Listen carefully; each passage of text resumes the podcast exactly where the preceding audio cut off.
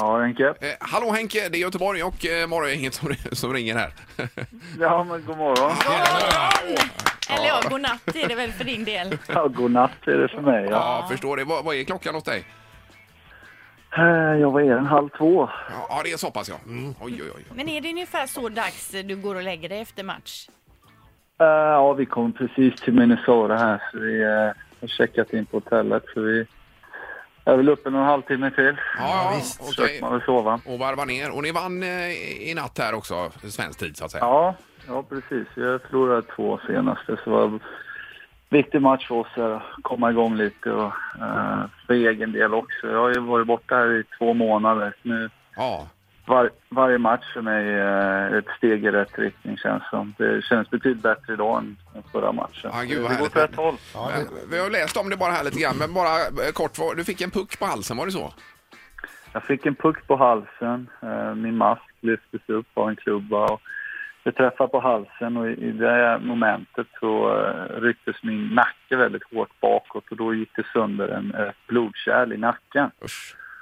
Eh, som vi upptäckte då efter ett par dagar. Jag spelade en match till och sen eh, fick jag väldigt svåra huvudvärker och då hittade de den här blödningen då. Då var det bara till att vila och vänta till på att läkarna skulle eh, låta mig spela och det tog lite längre än vad jag hade hoppats på men eh, nu är jag tillbaka och det, det känns väldigt bra. Ja, och, och stoppade 32 skott i natt. Ja, eh, men det känns bra som jag sa för varje match nu så man känner att man både tekniskt och mentalt börjar hitta tillbaka. Men det är klart, håller man upp i, i åtta veckor så det känns ju inte helt hundra från början. Men det, det hade jag en känsla av att det, det, det skulle vara så. Ja. Jag Eh, får ha lite tålamod men det, det kändes helt okej idag faktiskt. ja, gud vad härligt. Följer du eh, brorsan också här hemma? Han är ju succé i Frölunda. Ja, ja självklart. Det är, eh, tung, tung torsk igår såg jag. Så det var... Ja. Ja, det är bara att ladda om. Jag spelar sån här match när man eh, spelar varje fem, sex perioder och det är viktigt nu bara att glömma det och och gå vidare här. Men det är klart det är tungt. Ja, men han, slog, han, slog, han slog ju ert rekord från 2003 där i tid. I förlängning. Ja, just det. Men nu, hur har det sett ut? Ja, jättebra. Det, ja, det, ser, det är så grymt. Det är väldigt, väldigt roligt. Det är eh, fin hockey är det. Och Joel känns så trygg. Ja, han är ju otroligt stabil. Ja, det gör han verkligen. Ja. Du, Henrik, jag måste Ja, säga han det. var Jag, laddad. jag, jag följer en podd med eh, ja, lite olika eh, hockeypoddar. och sådär. Ma- Nyström, Expressen, känner du till honom? Ja, Ja, Jajamän. han har ju intervjuat eh, då Petter Rönnqvist, eh, gamla förstemålvakten i Frölunda och du hade Andersbaden en tid där. ja just det. Ja, och han eh, brukar säga att eh, Henrik har min eh, taskiga rygg att tacka för att han slog igenom. Säger han, själv. du, han berättar en väldigt rolig sekvens om när ni kom till Frölunda. Ni, hade- ni var ganska nya du och Joel. Ja, Och så sa han så här att eh, ja, de är så olika de här bröderna sa han. För att eh, Joel han har järnkoll på, eh, på allting och Henrik han stack iväg med första lönen. Bodde ni tillsammans då Henrik eller? Du och din bror? Eh, ja det stämmer nog. Ja, han sa det att när ni fick första lönen så stack du iväg och köpte ett par svindyra byxor och ett svindyrt bälte. Och sen så står ni och diskuterar i omklädningsrummet vem som ska köpa mat för du har inga pengar kvar.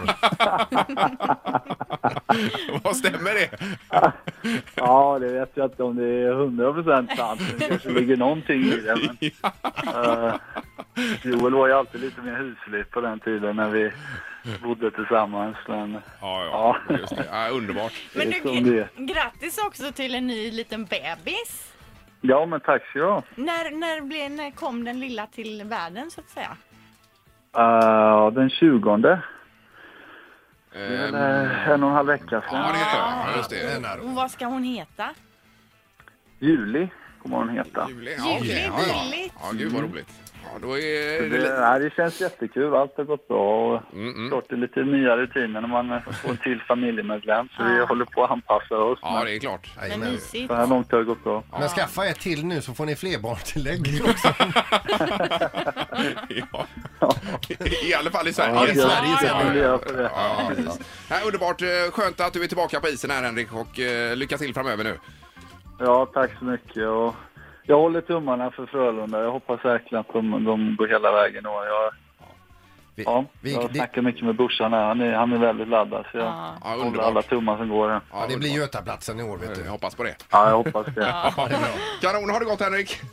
Ja, ha det så bra. Hej då! Hej, hej. Hej, hej. Ett poddtips från Podplay. I fallen jag aldrig glömmer djupdyker Hasse Aro i arbetet bakom några av Sveriges mest uppseendeväckande brottsutredningar.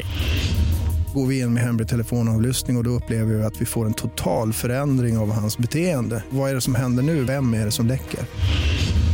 Och så säger han att jag är kriminell, jag har varit kriminell i hela mitt liv men att mörda ett barn, där går min gräns. Nya säsongen av Fallen jag aldrig glömmer på Podplay.